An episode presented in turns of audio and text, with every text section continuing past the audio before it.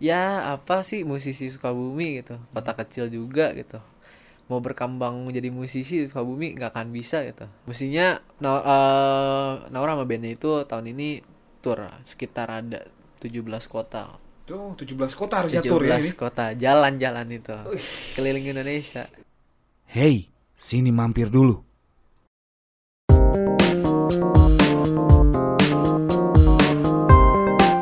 Lu se- sempet eh, ngisi recording di ini ya proyeknya Marcel ya. proyeknya Marcel benar Wow. itu Gimana ceritanya tuh awalnya tuh?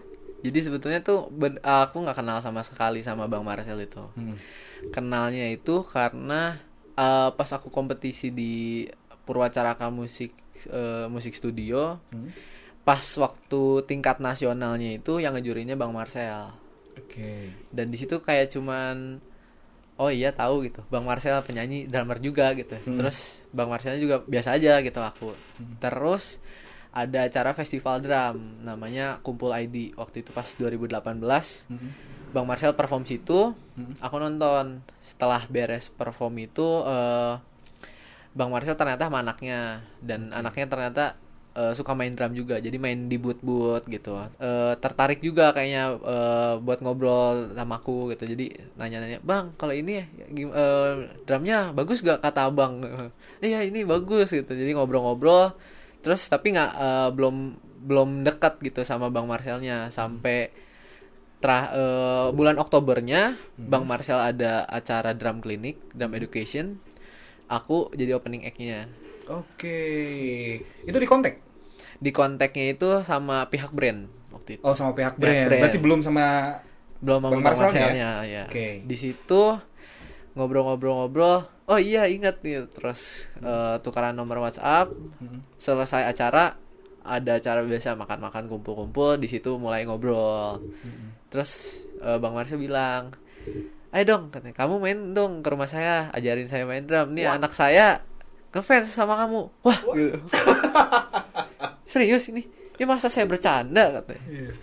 Ayo dong, kapan main ke rumah? Terus eh, aku pikir, ah ini kayaknya ini doang basa-basi gitu kan. Oke. Terus ya nanti deh kapan-kapan kalau libur aku bilang gitu aja kan. Iya. Terus ternyata pas itu di WhatsApp di kontak lagi. Kamu serius ya main ke sini kita nggak bohong ini serius sediain waktu loh main ke sini nginep aja katanya. Wah Wow. Ini seriusan nih gitu kan. Udah suruh main nginep gitu. Eh, Kok ini gitu kok bisa tiba-tiba gitu. Iya. Ayo sini anak saya udah pengen main ketemu sama kamu gitu. Terus jadi eh, beberapa kali anaknya kayak sering ngirimin video Bang Leo kapan main ke sini? Bang Leo kapan main ke sini? Akhirnya eh, saya ngumpulin eh, jadwal terus nyusun jadwal terus ngambil waktu luang pas liburan buat nyempetin main ke sana waktu itu. Main nginep eh, biasa main terus eh, main drum bareng apa kayak gitu-gitu. Itu terjadi ya beberapa kali bolak-balik nginep ke sana. Sampai akhirnya tiba-tiba bang Marcel bilang gini eh, waktu waktu itu pas di rumahnya cuman saya waktu itu pas lagi di eh, lagi di kamar tiba-tiba bang Marcel WhatsApp Leo kamu main aja ya di project saya saya ada project nih kamu main aja sama saya mau nggak Pak eh, kita rekaman ya satu dua lagu lah katanya wah tiba-tiba nawarin rekaman kan ya ampun bang saya udah numpang di rumah abang diajakin nginep ngabisin makanan sekarang ditawarin job terus ya siapa yang nggak mau akhirnya dari situlah berawal bisa proyekan sama bang Marcel Ngisi dua lagu ya? ngisi dua lagu Dua lagu. Lagunya udah tayang belum sih? udah tayang ada Apa judulnya? Judulnya dunia orang dewasa itu eh, bang Marcel di situ jadi ini produser Hmm. tapi yang punya project itu aslinya eh, vokalisnya Cupu Manik ada Om C Oh. di situ. Jadi Om C itu kan biasa di Cupu Manik kan. Iya. Nah Om C ini eh, pengen punya single sendiri gitu dan perlu pemain musik waktu itu. Jadi eh, Bang Marcel yang cariin sebagai produser gitu. Terus diajaknya lah aku gitu. Wow, ini juga berarti bisa sebagai bukti lu gak ada eh turunan artis kan? Nggak ada, nggak ada sama sekali. Siapa?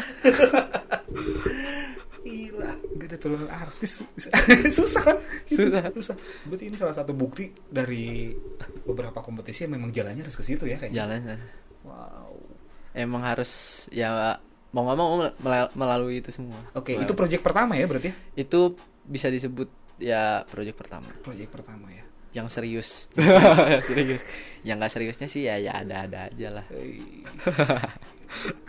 Dan waktu itu eh, sempet sama project juga sama musisi legend ya. oh iya ada Siapa? pemain bass itu Om Bintang Indrianto Om Bintang itu ya. Om Bintang Indrianto itu ketemunya juga nggak sengaja Ah, nggak sengaja juga. nggak sengaja Ah, juga gimana nih? Gak sengaja gimana nih? ketemunya di kafe Di kafe. di kafe Kafe di mana tuh? Jadi waktu itu aku lagi sering-seringnya eh, untuk les drum ke Bandung karena waktu itu di Sukabumi aku udah nggak diterima di les di mana-mana. Oke. Kalau kalau ibarat sekolah tuh kena DO gitu, tapi kena DO-nya karena gurunya nggak sanggup ngajarin aku.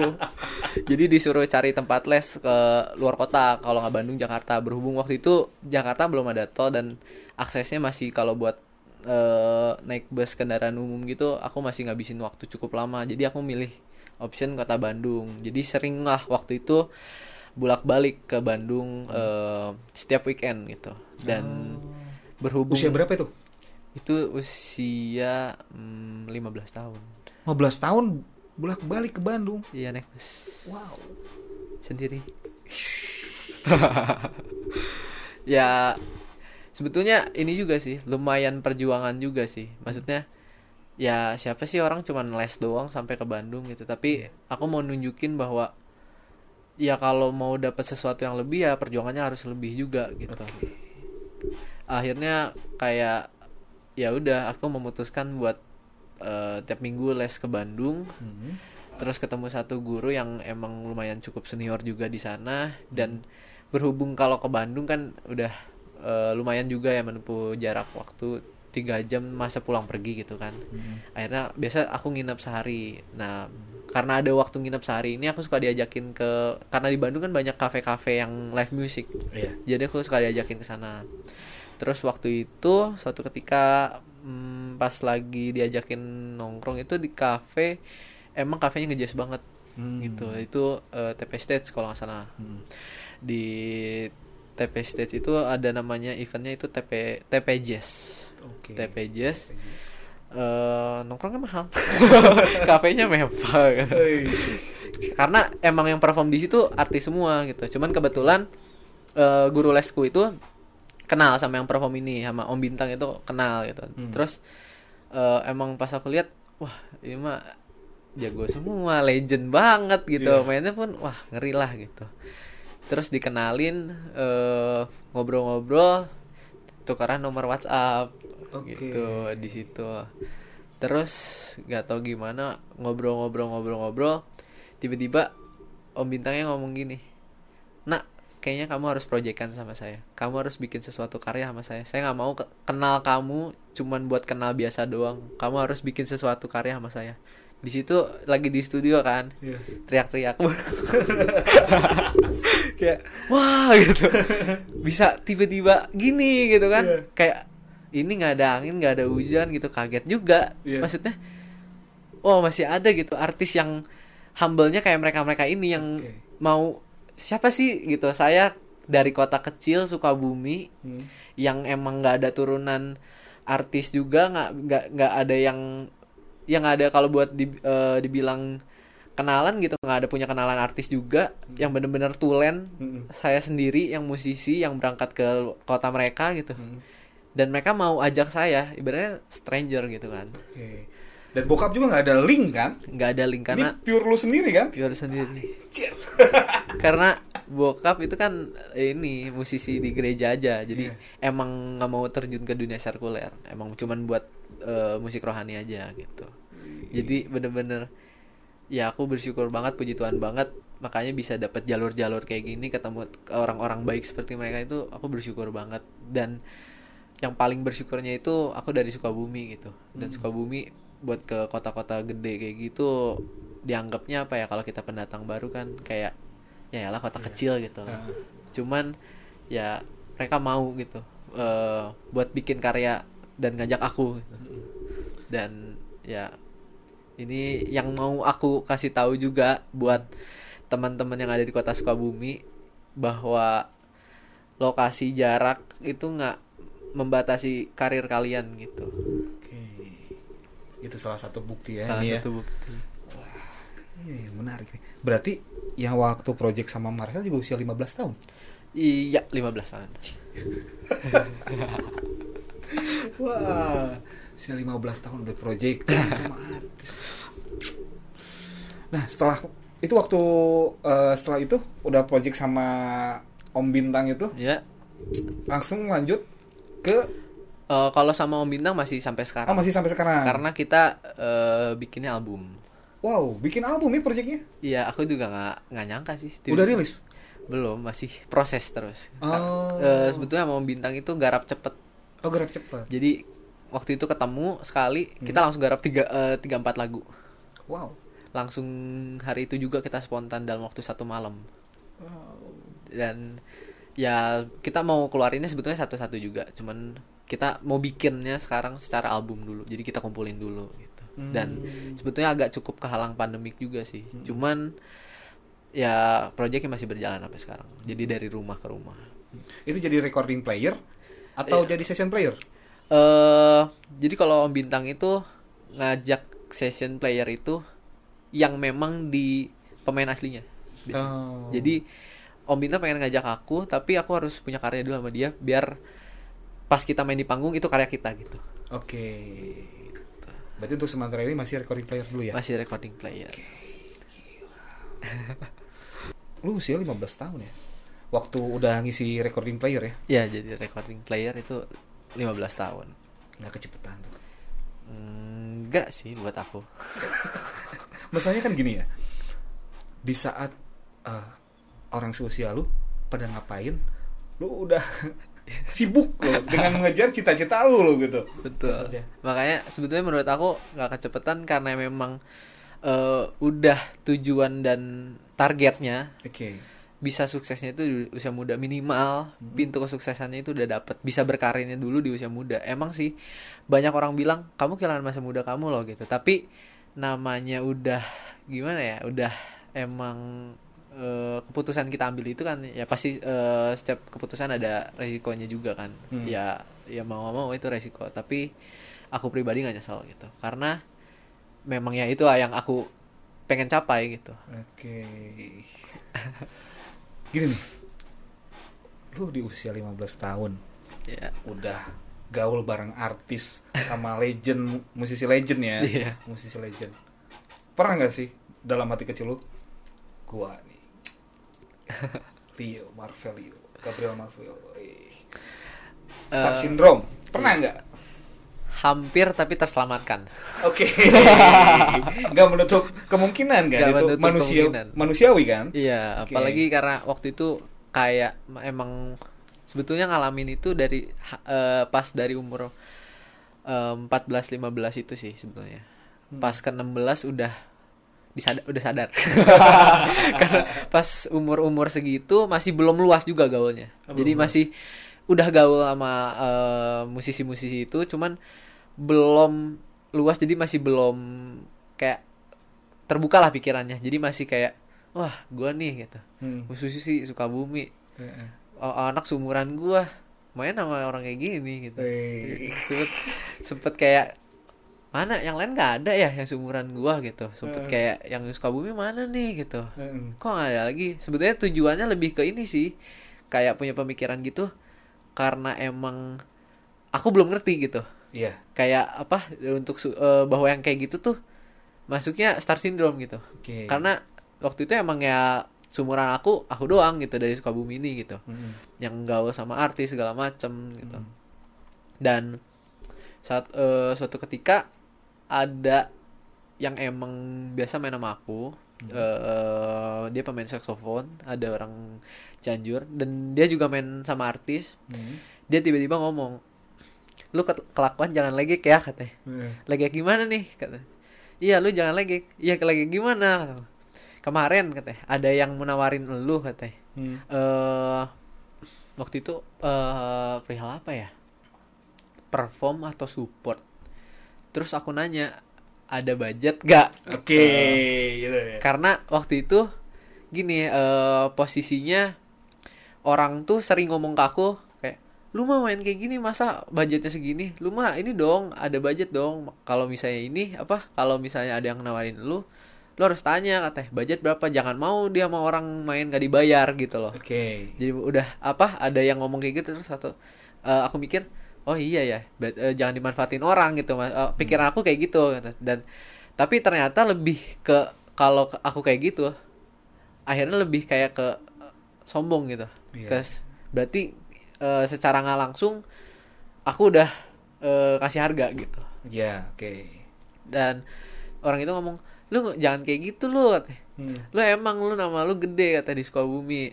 Lu emang eh, punya bakat dan lu emang dikenal orang katanya. Tapi jangan sampai lu kayak gitu orang jadi malas manggil lu gitu. Mungkin lu nggak ngerti katanya. Eh, maksudnya itu eh, budget itu bisa bikin orang jadi ngira lu tuh na- ngasih harga gitu. Tapi tolong katanya mending lu nggak usah kayak gitu-gitu dah katanya gue juga yang udah lebih banyak main di dunia session nggak pernah gitu-gitu. Biarin aja yang kayak gitu mah katanya "E, nanti juga emang ada bonusnya datang sendiri kok katanya oh jadi gak usah nih katanya soalnya eh, ya udah aku jelasin aja kemarin banyak yang ngomong gini gini gini gini. Ngapain lah dia session player bukan bukan lu dengerin gue session player katanya oh iya iya iya akhirnya dari situ kayak oh iya berarti secara langsung aku kayak ngasih harga gitu loh kalau kayak gitu-gitu terus berarti aku udah ngerasa secara nggak langsung gitu aku ngerasa wah diri aku udah pantas nih dihargai gitu Oke. Jatuhnya attitude ya. attitude Seberapa penting sih menurut lu attitude? banget penting Penting banget penting ya. banget banget. karena eh sebetulnya daripada skill attitude itu nomor satu. Kalau di musik. Di musik. Nggak musik doang sih sebetulnya dunia entertain itu Hmm. attitude nomor satu. Jadi lebih baik orang yang skillnya biasa aja tapi attitude-nya bagus. Daripada yang skillnya mendewa gitu. Hmm. tapi attitude, attitude gak ada. Tapi rata-rata yang mendewa attitude-nya pada hilang. Ada juga sih yang Ada gak juga. hilang. Cuman yang dari yang udah sebelum-sebelumnya yang udah pernah ada gitu, Hmm. pada hilang. Attitude-nya Daya, jadi akhirnya lebih ke ini sih karena aku kan diceritain juga kenapa lu jangan sampai gara-gara attitude lu gini gini gini lu kehilangan job lu gini gini terus diceritain si ini si A gitu. Pernah lo gara-gara gini gini dia attitude-nya gini gini dia udah ini udah nggak pernah dipakai orang lagi. Padahal dia jagonya setengah mati oh terus dan kasih contohnya bukan satu dua tiga orang dan disebutin sebetulnya contoh-contoh lainnya. Jadi aku kayak oh iya juga gitu. Dan dia sebutin juga nih orang skillnya sama lu katanya gitu. Iya. ini skillnya bagusan lu katanya. Tapi katanya ini orang attitude-nya bagus. Dia banyak dipakai orang. Lu harus bisa nyimbangin itu dan eh mulai dari situ aku kayak belajar juga bahwa selain skill bagus attitude itu penting penting banget gitu Karena itu yang bisa nyelamatin kita. betul Gila ini. Gue ngerasa ngobrol kayak sama usia 25 ini. Padahal usianya berapa? 17 tahun. ya? 17. Gila, udah bisa dewasa nih. Keren. Lu eh, emang katanya sering gaul sama anak eh jarang gaul sama anak seusia lu ya? sangat jarang jadi berteman sama yang seusia tuh di sekolah doang Sekolah doang. yang seumuran tuh di sekolah doang Seringnya sama om-om katanya. eh ya om om sih Di pasti, bidang pasti ya, sama musik ya, ya. musik Oke. sama yang lebih tua banyak bahkan kayak di sekolah Hmm. aku main eh, ngobrol sama ada kayak hmm, dia hmm, masuknya apa ya kayak guru ekskul band Hmm.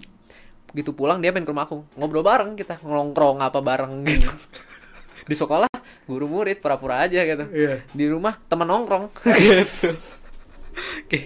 jadi emang udah gaulnya sama yang lebih tua dari dulu emang ya kalau orang bilang kata karena emang skillnya yang eh di ses- apa skillnya udah emang nggak wajar dalam seumurnya gitu Hmm. jadi emang berarti harus nyimbangin sama yang biasa main ini dong gitu. Karena gini kalau aku gaul sama yang seumuran gitu. Teman-teman seumuran aku tuh kalau buat main band Hmm. tuh nggak ada yang serius. Oke. di sekolah ya nggak ada yang serius. Nggak ada yang serius nggak dan skill ya namanya nggak serius skillnya pun ya ada seadanya gitu. Ya, oke. jadi aku nyi- berat- eh, mainnya nyari yang skillnya sama dong gitu. Atau minimal saling menyimbangkan lah Hmm. Iya. gitu Minimal yang sama-sama serius total. sama-sama serius total minimal gitu jadi ya pasti yang kalau kayak gitu yang udah usianya udah lebih tua pasti yang lebih dewasa yang emang udah Mm-mm. berkarir di situ juga gitu ya makanya punya temennya disebutnya apa ya kayak gaulnya ah lu mah gaulnya sama om om gitu ya gak apa apa om omnya bisa ngajak gue berkarya gitu kan Nggak, nggak berminat gitu. Pengen bikin band atau itu solo misalkan drum sukses gitu. Kenapa harus session player? eh sebetulnya kepikiran gitu cuman eh kalau dilihat dari situasi sekarang yang ada Hmm? sangat kecil kemungkinan buat bikin konsep seperti itu gitu. ada cuman sangat kecil kemungkinan karena di Indonesia itu dunia musik pasti yang jadi sorotan itu penyanyinya gitu.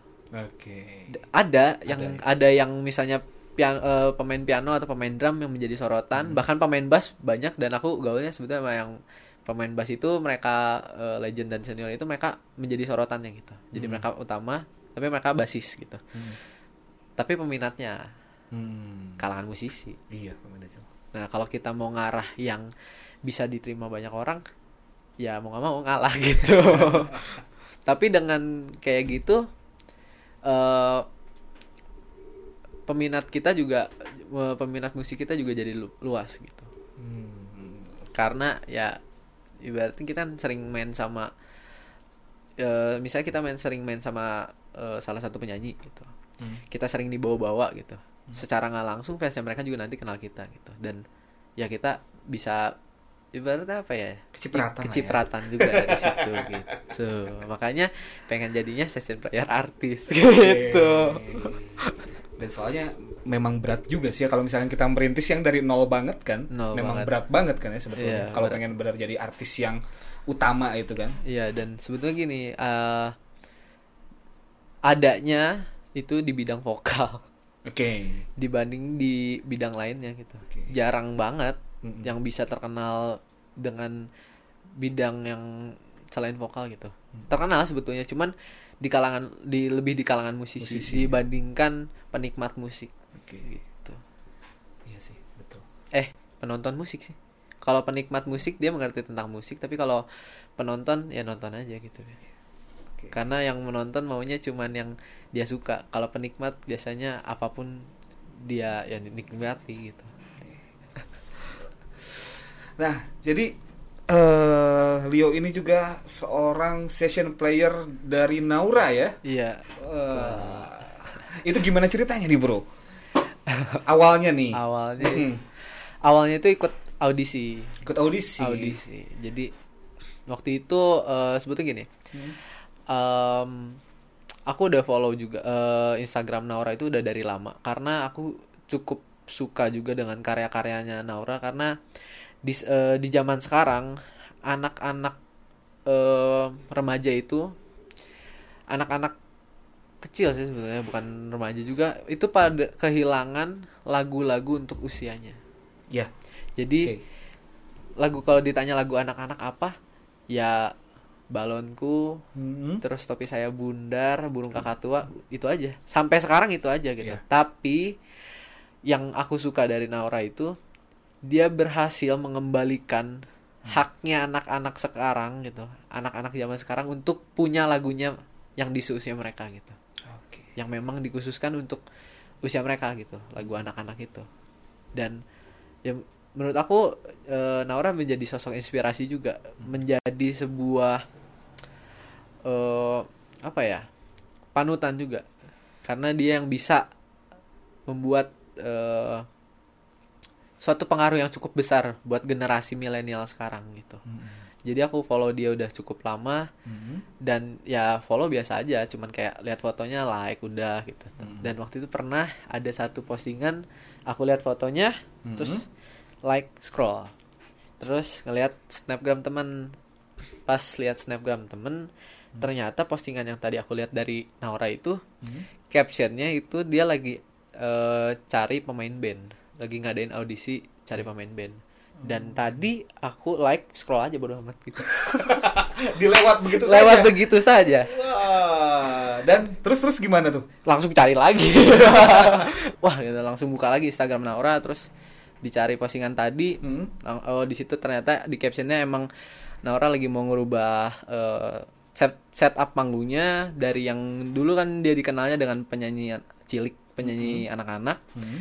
sekarang dia eh, umur 15 tahun beranjak usia remaja juga ingin merubah setup panggungnya dan ciri khasnya dia menjadi penyanyi remaja gitu. Makanya setup panggungnya dari yang biasa pakai minus one dia sekarang pengen pakai band. Dan pengen pemain bandnya itu yang seumuran gitu. Makanya dia eh, ngadain audisinya di Instagram gitu. Hmm. jadi kan eh, cukup luas juga kalau Iya. buat Instagram dan waktu itu eh, caranya itu dengan ngirim video post eh, ngepost video kita perform mau latihan mau atau lagi perform itu bebas Da- pakai audi eh, pakai hashtag audisi Benaura gitu Oke. Dan itu berarti banyak yang ikutan ya? 5000 lebih Wow. postingan 5000 postingan. 5000 lebih postingan Dari 5000 postingan lu kesaring masuk situ. Ya, puji Tuhan akhirnya terpilih menjadi finalis. Jadi dari masing-masing instrumen. Jadi kan di di sini dicari eh, empat i- pemain instrumen. Hmm. Ada piano, bass, gitar, drum. Hmm. Dari masing-masing instrumen ini yang akhirnya dipilih jadi finalis itu Hmm. tiga orang dari masing-masing finalis. Jadi 12 orang totalnya finalisnya. Masih ada nggak sih videonya yang waktu eh, audisi Oh, eh, ada pas Instagram. eh, pas audisi live. Yang bukan yang audisi ngirim hashtag itu? Oh, ngirim hashtag ada eh, Masih ada nggak sih? Coba kita lihat Instagramnya. Coba kita lihat nih Instagramnya Marvelio. Nah, yang di atas itu tadi kelewatan. yang mana? Ini. Eh, di atas lagi di atas lagi terus terus nah itu salah satunya Ini. yang dari yang eh, itu baju hitam itu Mm-mm. Coba kita lihat dulu ini. ya. boleh itu video solo main drum jadinya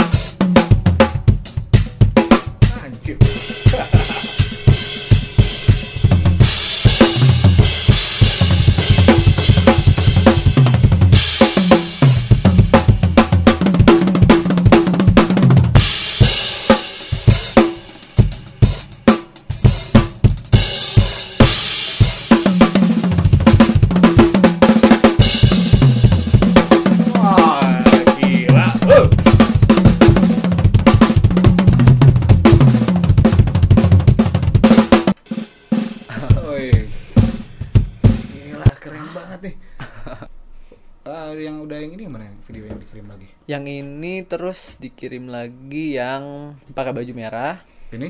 ya pakai baju Oke. merah. Halo semua. sebetulnya kalau sebetulnya kalau yang solo lebih ke skill Hah? tapi kalau buat yang pakai lagu aku lebih ke nyari groovingnya aja jadi Oh. biar ada dua penilaian tersendiri buat jurinya nyari grooving dan skill juga aku siapin gitu Oke. karena kan yang namanya band Hmm. Kita kan eh, ini eh, bukan utama kan kalau sebagai drummer kan Hmm. jadi kita harus lebih kayak bisa ngenakin si vokalisnya gitu jadi makanya nyari grooving itu lebih buat kayak bahan pertimbangan juri gimana cara kita ngenakin si penyanyi gitu Oke. tapi kalau ditanya skill udah disediain juga gitu Wah, itu udah sudah selasa eh, setelah selesai dari sini kan disaring tuh. Tadi Disaring. dari empat instrumen, eh, masing-masing instrumen disediain tiga player, Eh, masing-masing jadi dipilih tiga player tiga player. Ini fotonya kayaknya. ya ya. itu fotonya Coba. Oh ini. ya. sebetulnya ada 12 sih Oh ada 12 ya? cuman di sini 11 Oh ini. karena ada satu ikut UN nyesel banget kalau aku nggak mungkin kayaknya mending nggak usah UN Dan percayalah kau yang UN diomongin sama 11 orang lainnya. ini yang instrumen drum itu bertiga. Oh ini. Iya, dua lagi dari Bandung. Dua dari Bandung. Dan ini saingannya dari kota besar semua. kota besar semua dari eh, kebanyakan Jakarta sih. Kebanyakan Jakarta. Keba- kebanyakan Jakarta terus ini kebetulan drummer dua lagi ini dari Bandung. Hmm. Sama paling satu ada pemain bass dari Pontianak itu aja sih. Wow. Keren. Ya. Ini ya. Ini Iya, semuanya. iya, ini semuanya. Ini siapa nih? Itu Devano, Devano siapa sih? pacarnya Naura. Oh. ini pacarnya. Itu eh, Gue anak bukan anak milenial jadi gak tahu.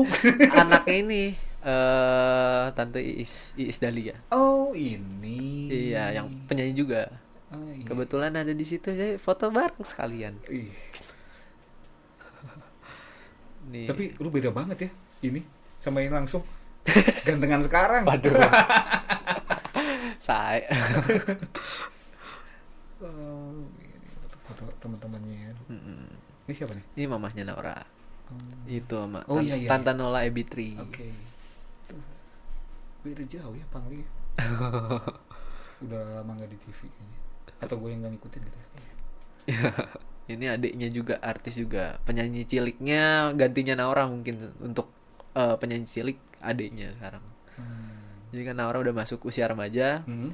Sekarang eh, regenerasi penyanyi ciliknya adiknya gitu. Nih pas lagi keringat dingin. Ini sebelumnya berarti. ini lagi pas nungguin eh, jadi kan audisinya pertama eh, dua tahap tuh audisi live itu pertama kita main sendiri Hmm. terus kedua dibikin satu band Hmm. terus abis itu bandnya diacak lagi dibikin lagi random disatuin lagi dipilih-pilih lagi gitu jadi ini waktu masih audisi yang perorangan itu masih satu-satu Mm-mm. jadi yang lainnya lagi keringat dingin yang satunya udah kayaknya mandi di dalam keringat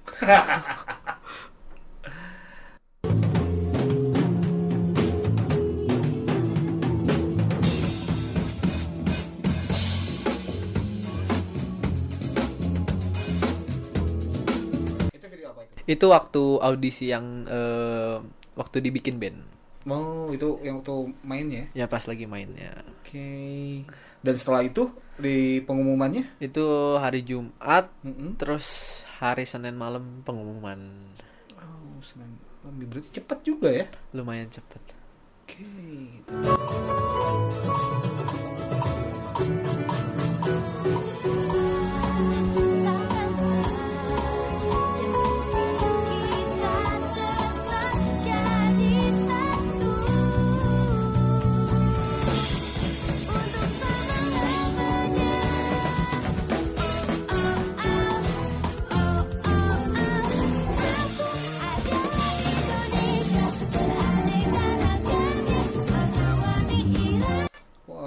Keren ya. Wah. itu yang eh, buat flyer pengumumannya ada di slide selanjutnya itu buat yang nama-nama yang Oh, di sini lolos. iya Oke. Itu. Ini dari kota mana sisanya tuh? Eh, Jakarta semua Jakarta semua. Jakarta semua.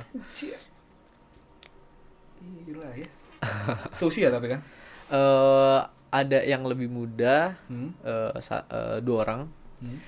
Sa- satu lagi lebih tua satu tahun di atas aku Ah ini nih pengumumannya salah satunya ya. iya betul Wih, udah tulisannya Sukabumi. Gila. Iya, yang lain Ja- Jakarta Jakarta gitu. Yang Ya. terakhir drummer Sukabumi. Oh iya, Iya. lain. Gimana Cuma- rasanya tuh? ya bersyukur aja gitu bisa selain ngebawa nama kota Sukabumi yang biasa diremehin orang, kota kecil. Hmm. Ya apa sih musisi Sukabumi gitu. Kota kecil juga gitu. Mau berkembang menjadi musisi Sukabumi nggak akan bisa gitu. Ya ini aku aku bisa bawa nama Sukabumi ke Jakarta kok gitu. Oke. Ada pride tersendiri ya. Ada mereka sendiri. Jadi buat yang insecure insecure itu eh, nggak usah dengerin kata orang. Pokoknya fokus sama tujuan aja. Pasti bisa kok.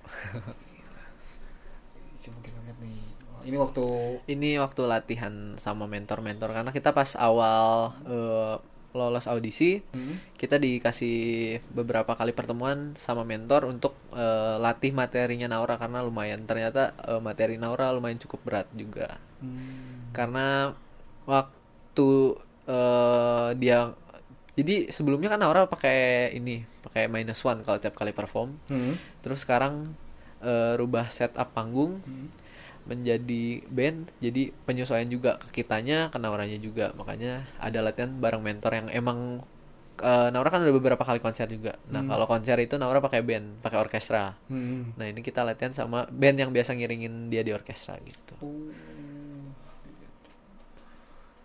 Ini ya. iya tuh. Iya Cilepeng Masih bersih ya, itu kelihatannya ya. bersih bersih Wih, semenjak corona menyerang kan kurang tidur ya begadang mulu Uh, udah kelihatan mulai sangar nih di sini. Oh, iya. Ini apa ini? Ini pas perform terakhir, mungkin ya menjadi salah satu perform terakhir juga tahun 2020. Ini terakhir di event eh, dan kau kreasi anak gitu. Berhubung sekarang lagi pandemi kan, Hmm. jadi semua job itu pasti online Oke. gitu. Mestinya Na- eh, Naura sama bandnya itu tahun ini tour sekitar ada 17 kota. Tuh 17 kota harusnya 17 tur ya ini. kota jalan-jalan itu. Keliling Indonesia. Aduh. Padang mana itu pasti dapat kayak gitu-gitu. Cuman ya ketika corona menyerang. Oke, terhalang pandemi ya. iya. Jadi online semua. Oke. Jadi sekarang sementara ini jobnya eh, online. Online semua. Oke, oke. Wah, keren keren bener. Serius. Ini contoh salah satu anak muda yang inspiratif banget nih. Thank you, thank you. Ini bro untuk terakhir nih. Iya. Ada yang mau disampaikan nggak? Buat teman-teman nih yang denger nih. Eh, buat teman-teman atau musisi-musisi yang ada di kota Sukabumi eh mungkin musisi-musisi di luar sana bilang kalau kita itu dari kota kecil dan kita susah berkembang. Tapi jangan pernah kalian terpa eh, terpatok oleh itu. Jangan pernah eh, itu itu menjadi batas eh, membuat kalian menjadi terba- eh, terbatas untuk berkreasi gitu. Tetap aja fokus sama tujuan kalian. Jangan pernah dengerin kata orang. Terus tekun komitmen. Kalian pasti bisa kok gitu. Walaupun kondisinya kayak aku gini kan dari kota Sukabumi, banyak orang yang bilang, "Ya, apaan sih musisi kota kecil gitu." Itu nggak menutup kemungkinan kok asal kalian berusaha gitu. Pasti ada asal kalian berusaha pasti ada hasilnya. Karena usaha tidak akan pernah mengkhianati hasil. Guys, gila. Dan satu lagi, Oke. Apa nih? terus aja berusaha karena rezeki Tuhan yang ngatur. Gak usah kalian perhitungan itu, nggak nggak usah diperhitungin. Nanti kalau kita udah usaha takut gagal segala macem. Kalau kalian mikirnya kayak gitu terus, ya nggak akan berkembang gitu. Karena kalian nggak pernah berani mencoba. Jadi lebih baik terus aja berusaha. Masalah hasil Tuhan pasti kasih. Karena Tuhan memperhitungkan segala perjuangan kalian gitu. Mantap. Oke. Terima kasih nih. Siap, terima kasih juga Aduh, telah iya. mengundang di podcast ini. Gila, Keren banget. Baru tahu lah di Sukabumi ada podcast sekeren ini. Wah, bisa aja loh. Serius, baru tahu. Aduh. Thank you Leo ya udah Siap, mampir ke sini. sama-sama. Ya, mudah-mudahan ini yang dengar bisa jadi inspirasi ya. Amin, amin, Oke. amin. Jangan lupa berusaha karena usaha tidak akan mengkhianati hasil. hasil. Itu Betul. dia pesan Marvel. Siap. Oke. Thank you Leo. Oke, siap. Oke, Thank let's you. close this. Hei, sini mampir dulu.